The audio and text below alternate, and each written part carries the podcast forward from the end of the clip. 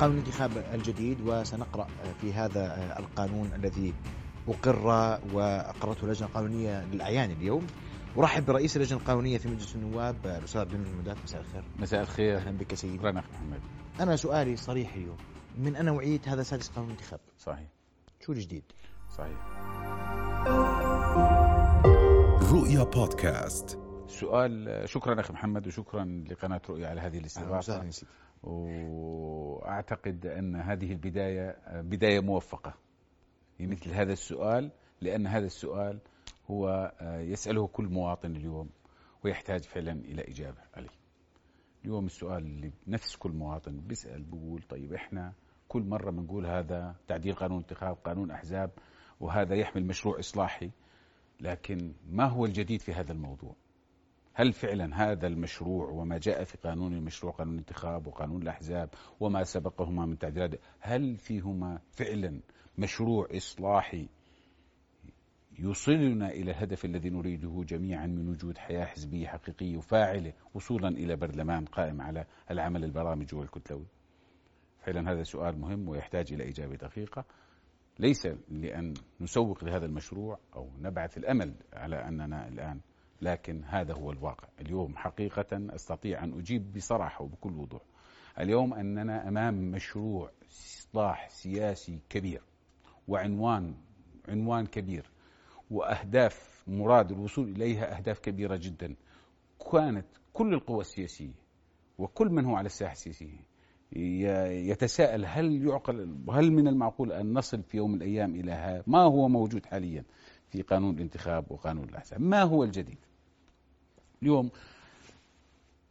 في بداية الربيع العربي عندما أقر قانون عام 2012 وأنت تعلم أخي كان كل مطلب القوى السياسية في تلك الفترة والشارع وكله أننا نريد قانون انتخاب يخرجنا من قانون الصوت الواحد وقانون يأخذ بيد الأحزاب ويضمن وصول الأحزاب إلى البرلمان.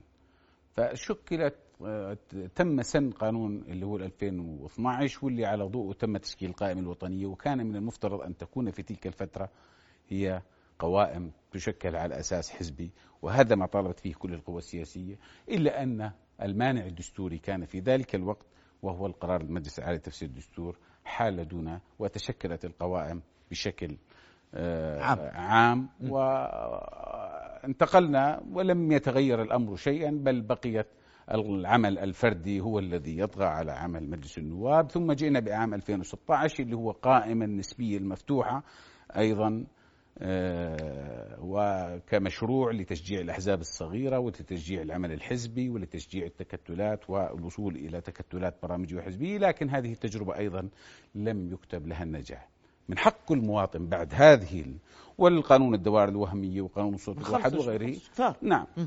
هذه كلها المراجعة التاريخية لقانون الانتخاب لقانون الأحزاب تجعل المواطن اليوم يتساءل ما هو الفرق في هذا القانون؟ وهذا سؤال مهم جدا والآن سأجيبك عليه بكل صراحة. اليوم ما ورد بقانون الأحزاب وما قانون الانتخاب أنا بحكي لك فيه إجابة واضحة على كل هذه التساؤلات إذ أنه يؤسس لمرحلة ولحياة حزبية حقيقية من خلال إيجاد أحزاب حقيقية فاعلة مؤثرة لها وجود على الساحة الوطنية ووجود قانون انتخاب الذي يمثل البوابة الرئيسية لهذا المشروع.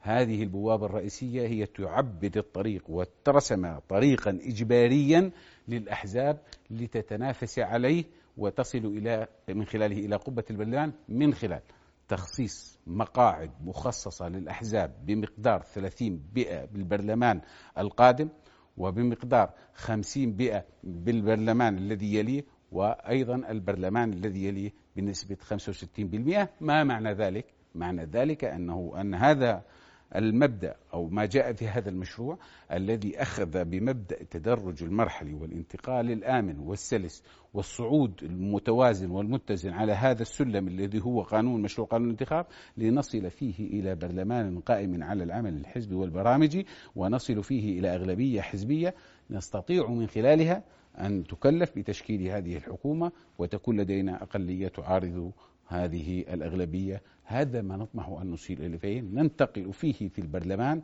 من العمل الفردي الذي طغى على عمل مجالس النواب طيلة العقود الماضية والتي لم تستطع أن تحقق آمال وطموحات شعبنا بالوصول بالنهوض بالدور الدستوري الذي أناطه بمجلس الأمة وبمجلس النواب تحديدا بممارسة دوره الرقابي والتشريعي. بل أن الجانب الخدمي كان يطغى على جزء كبير من عمل هذه المجالس وهذا هو أحد أسباب التي أدت إلى اتساع فجوة الثقة ما بين المواطن وما بين مؤسسات الدولة والتي جاء هذا المشروع الإصلاحي الكبير الذي كلف فيه جلالة الملك اللجنة الملكية التي شكلت من كل أطياف اللون السياسي الأردني.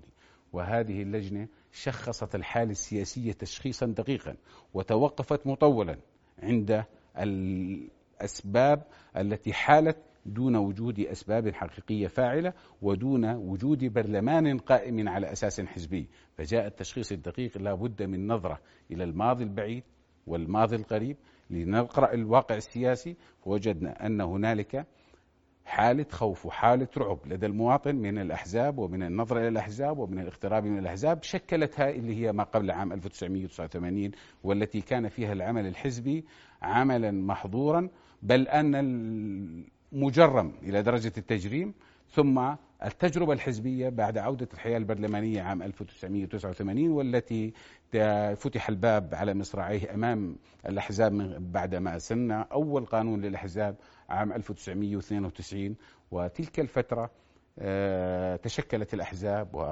بكثرة وصار تزاحم على تأسيس الأحزاب ولكن هذه الأحزاب كانت برامجها واحدة لم تستطع أن تخترق عقول وقلوب الجماهير لم تنشأ من القاعدة كما هو الأساس في العمل الحزبي نعم. بأن تبدأ بل بنا جاءت من رأس الهرم إلى القاعدة وهذا كان أحد الأسباب التي أدت إلى نوع من خيبة الأمل لدى جيل كبير كان يتأمل بعودة الحياة الحزبية وعودة الحياة البرلمانية والوصول إلى تعددية حزبية هذه الخيبة الأمل جاء بعدها قانون الصوت الواحد والصوت الواحد أخي محمد كان السد المنيع والعائق الكبير والبوابة المغلقة أمام الأحزاب حال دون وصول الأحزاب. وحال دون وجود وتشجيع وتحفيز الأحزاب للوصول إلى البرلمان لأن أنت تعلم أن قانون الصوت الواحد عزز من الهوية الفرعية والمناطقية والجهوية وجعل الناخب عندما يذهب إلى صندوق الاقتراع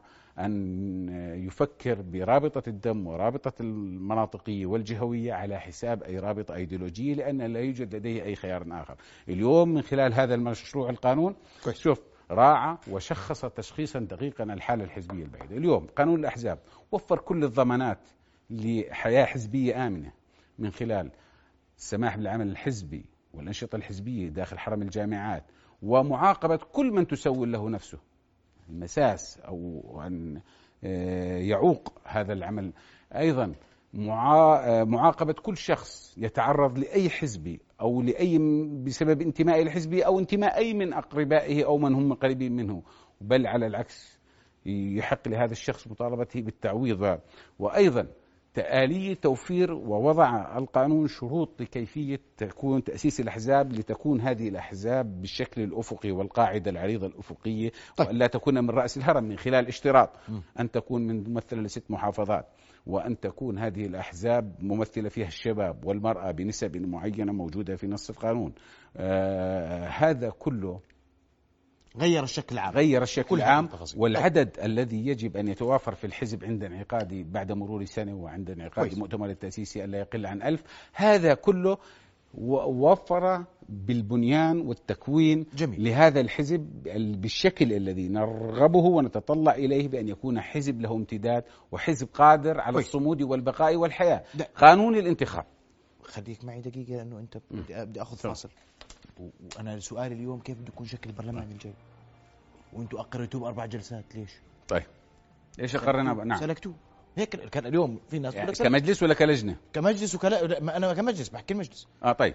خليني و... أخي محمد كل هذا على السؤال راح, طيب. راح أسمع إجابتك بعد فاصل قصير. طيب. فاصل ثم نواصل بقوم نواصل حوارنا وضيفنا الكريم والجديد في القانون.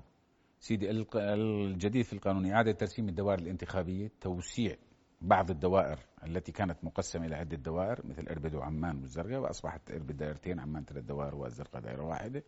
آه، أيضا آه، حافظ القانون على تمثيل الشرائح المجتمعية التي هي النظام الكوتا التي كان معمول به. آه، حافظ على هذه نسبة المقاعد المخصصة لهم ولم يمس هذه المقاعد. زيادة عدد المقاعد المخصصة للمرأة بحيث أصبح لكل دائرة مقعد للمرأة تتنافس عليه على الكوتا بعدما كان سابقا على مستوى المحافظة. اليوم كل دائرة مثلا إربد دائرتين أصبح لها مقعدين. أيضا آه، تخصيص قائمة حزبية 41 مقعد. إذا سيكون لكل ناخب صوتان يدليه. صوت القائمة المحلية. يعني؟ نعم صوت واحد صوت للقائمة المحلية وصوت للقائمة الحزبية اللي حيصوت على اسم حزب آه ما راح يصوت على الحزبية القائمة الحزبية ستكون فيها فقط اسم الاسماء الأحزاب وترتيب المترشحين داخل الحزب هذا شأن داخلي الحزب يقدمه للهيئة. إذا حصلت القائمة الحزبية أو الحزب على مقعد أو مقعدين أو ثلاثة يأخذه أول ثلاث مترشحين أول المترشحين حسب التسلسل وكذلك بالتوالي لنهايتها. وجد نسبة حسم أو العتبة ما يسمى والتي هي تتأهل من خلالها الأحزاب المتنافسة للفوز وتم تحديدها بنسبة 2.5% أيضا القانون عالج الاختلالات اللي كانت مطبقة في القانون الحالي اللي هو القائمة النسبية المفتوحة إذ وضع نسبة العتبة 7% بحيث نتخلص من النظام اللي كان يسمى الحشوات, الحشوات أو ابتعاد الأقوياء المترشحين الذين قادرين على حصد أكبر عدد. ممكن الأصوات يبتعدون عن بعضهم البعض. اليوم هذا القانون وهذا التعديل سيجعل القوي يلتف أو يبحث عن القوي لأنه كلما استطاعت القائمة أن تحصل على عدد أكبر عدد ممكن من الأصوات أكبر عدد ممكن مقاعد اليوم راح نشوف قوائم محلية وكتل برامجيه داخل قوائم محلية من خلال تخصيص هذه نسبة العتبة اللي هي 7% وهذا مسألة في غاية الأهمية. أيضا آه، آه، تعزيز التكتلات هذا مسألة آه، مهمة وهدف من القائمة الحزبية أيضا والقائمة المحلية تعزيز مسار والشفافيه والنزاهة في العملية الانتخابية من خلال تغليظ كثير من العقوبات أيضا التي وجدت في هذا الموضوع تحفيز وتشجيع الشباب على المشاركة في الحياة السياسية والمشاركة في العملية الانتخابية تنزيل سن المرشح إلى 25 سنة تخصيص من أن يكون من القائمة الحزبية الشاب من أول خمس مترشحين آه، أيضا المرأة من أول ثلاث مترشحين امرأة ومن الثلاثة التالية أيضا امرأة يجب أن تكون. هذا أيضا تشجيع وتو يعني وأيضا دوائر البدو التي كانت يسمح لأبناء البادية أيضا الحق في الترشح في أي دائرة أخرى. يعني هذه العناوين الرئيسية والملامح الرئيسية أيضا من باب التحفيز الشباب وتحفيز المنخرطين في الوظيفة العامة أنه من خلال تقديم إجازة بدون راتب يحق له الترشح وإذا آه، يعني استطاع الفوز يعتبر استقالته تعتبر استقالته مقبولة حكما وهذا أيضا من الإضافات النوعية التي كانت تحرم شريحة كبيرة وتحرم أيضا شريحة من الشباب اللي يعني إحنا في منتصف عمرهم الوظيفي أو في بداية عمرهم الوظيفي الذين كانوا يعني لا يرغبون في خوض غمار المشاركة أو الخوض العملية الانتخابية خوفا على, على أنه على وظيفتهم أو أنه على قطع مصدر رزقهم. فبالتالي اليوم هذا القانون يشجع الشباب ويشجع من هم في الوظيفة العامة والكفاءات اللي إحنا بنرغب إنها نرفد فيها العمل البرلمان نرفد كويس. فيها البرلمان إن شاء الله أيضا القانون أخذ على مرحلة أخرى اللي هي مثل ما تحدثت في البداية اليوم 41 بعدين 50% من عدد المقاعد بعدين 65% من هذه كويس. المقاعد سلكت القانون سلك سيدي اولا هذه آه، كلمة مجحفة بحق اولا أنت تعلم أن مشروع قانون الانتخاب أحيل إلى اللجنة القانونية مع بأول أسبوع من بدء انعقاد الدورة العادية. ثلاثة أشهر. واللجنة القانونية جلسات متواصلة حول مشروع قانون الأحزاب وقانون الانتخاب. جلسات وعصف ذهني وفكري فيه استمعت إلى كل الآراء. جميل. وكل الآراء وكل الملاحظات كانت محط احترام اللجنة القانونية واللجنه القانونية بالنتيجة آه، اجتهدت ومحصت ودققت كل هذه المقترحات ورأت أنه لابد أن نخرج بهذا القانون بأعلى درجات التوافق وأنت تعلم هذا القانون جاء توصية من اللجنة الملكية التي مشكلة من غالبية أطياف اللون السياسي الأردني شاركت فيها كافة القوى السياسية أيضا. ثلاثة أشهر لقانون اللجنة القانونية نعم ثلاثة أيام تحت القبة. نعم تحت القبة. أولا أنت تعلم بس يجب أن يعلم الجميع إخواني حتى ما نظل نجلد نفسنا بهذا الموضوع إنه اولا قانون الانتخاب التعديل جاء فيه على مواد جوهرية هي محددة بمواد معينة على النظام الانتخابي فقط واللي هي التشديد على العقوبات. أما إجراءات العملية الانتخابية وإجراءات الهيئة المستقلة والجداول الانتخابية وآلية الترشح هذه مواد تاريخية موجودة في قانون الانتخاب الذي قبله والقوانين السابقة.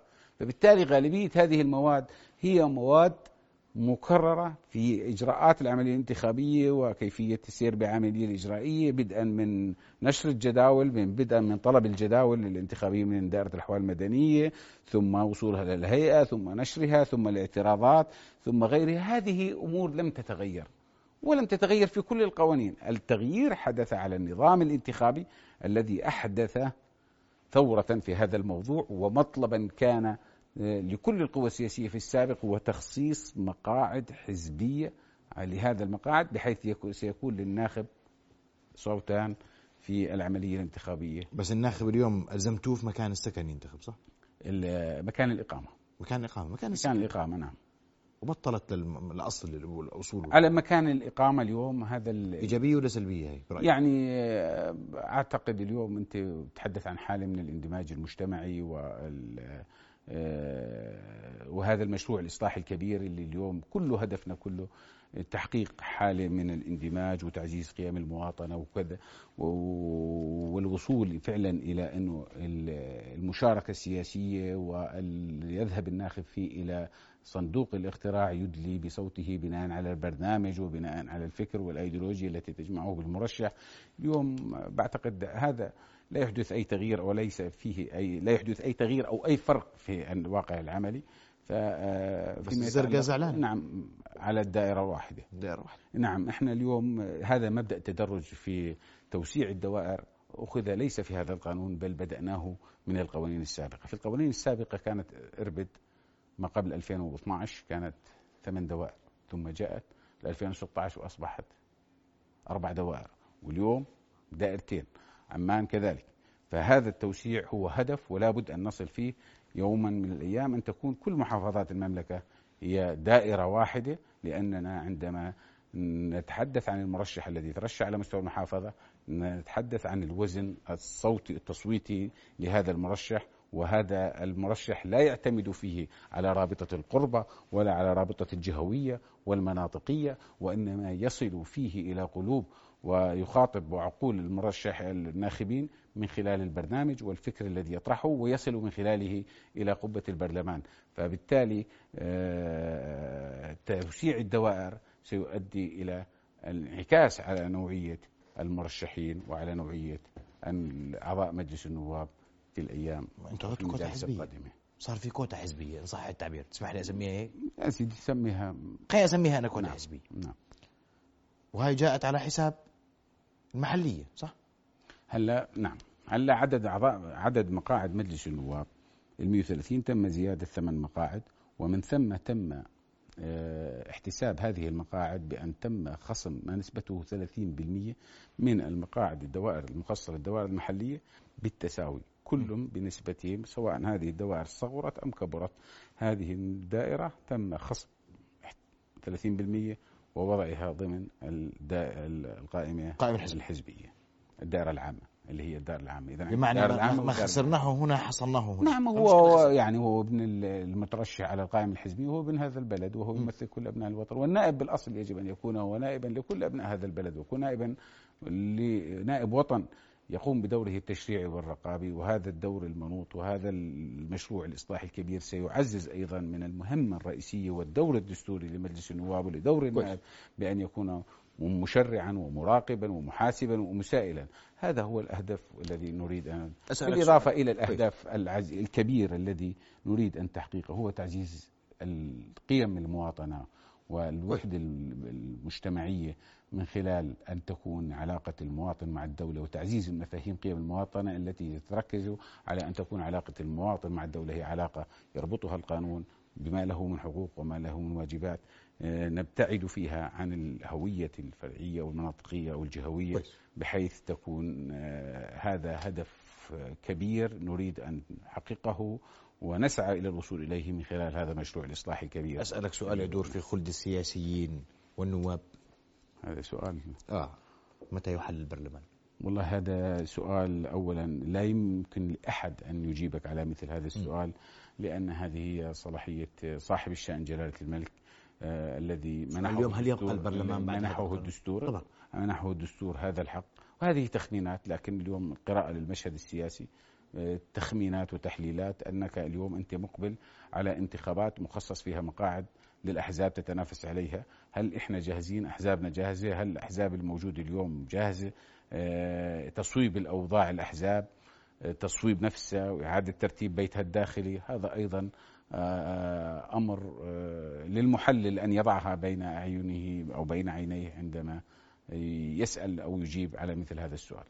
متى ستكون انتخابات المقبل من وجهة نظرك اليوم أنا بحكي مع ال- ال- النائب والسياسي.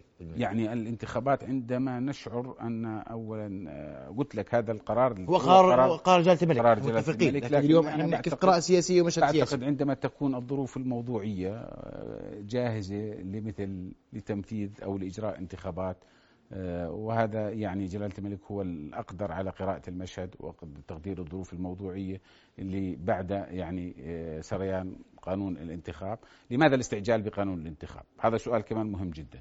اليوم هذا قانون الانتخاب جاء بنظام انتخابي جديد. كنا نعاني في السابق أن قوانين الانتخاب دائما تقر بآخر شهر من عمر مجلس النواب، ثم يحل مجلس النواب.